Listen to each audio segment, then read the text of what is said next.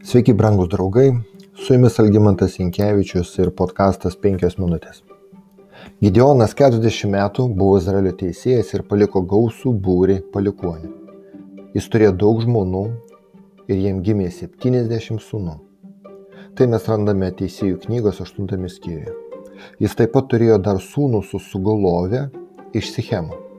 Biblijos tekste sakoma, ji pagimdė jam sūnų ir jis davė jam vardą Bimelechas. Mano tėvas karalius, tai šio vardo prasme. Stebina tai, kad Gideonas atsisakęs tapti karaliumi, taip pavadina savo nesantokinį sūnų. Ir šis sūnus tapo beveik visos Gideono šeimos mirties priežastimi. Po Gideono mirties niekas negalėjo patenkinti iš didžios Abimelecho dvasios išskyrus karaliaus poziciją Izraelyje. Tai visiškai prieštaravo Gideono valiai, kuris pareiškė, kad nei vienas iš jo sūnų nevaldys Izraelio. Dievas nepakvietė Abimelecho kaip jo tėvo ir nebuvo jokio pagrindo paskirti teisėją, kuris išgelbėtų Izraelį nuo bėdų, kaip tada, kai jo tėvas buvo pašauktas kovoti su priešais. Abimelechas tiesiog norėjo patenkinti savo bensingus siekius ir tapti karaliumi buvo pagrindinis jo tikslas. Abimelechas atvyko į Sichemą, pas savo motinos brolius ir įtikinėjo juos padėti jam užvaldyti karaliaus sostą.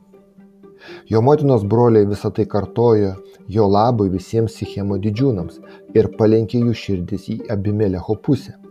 Jie įtikinėjo, jis mūsų brolis, taigi jie davė jam 70 sidabro šakelių iš Bal Berito šventyklos, o Abimelechas už juos pasisamdė pasileidusių ir nieko nebijančių valkotų savo palidovais.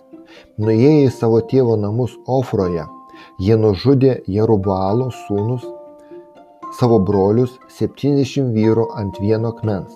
Bet jauniausias Jerubaalo sūnus Jotamas išliko gyvas, nespėjo pasislėpti.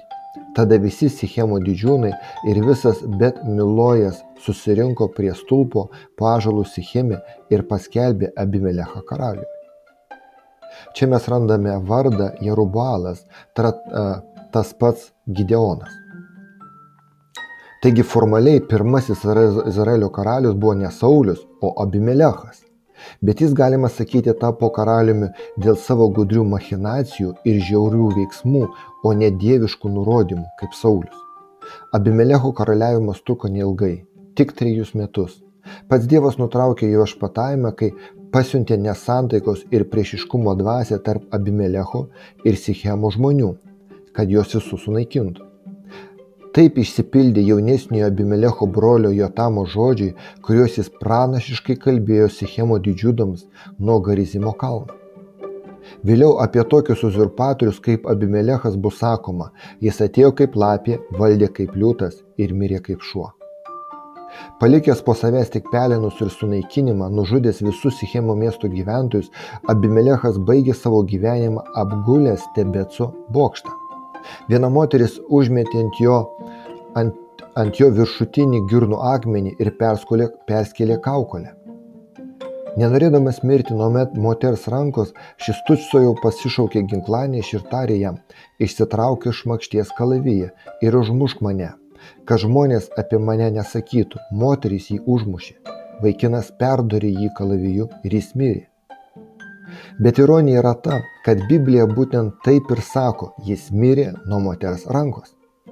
Brangus draugai, Dievas atlygino Abimelechui ir Sichemo žmonėms už jo blogus poelgius, įvykdydamas Jotamo paskelbtą prakeiksmą, nes jie to buvo nusipelnę.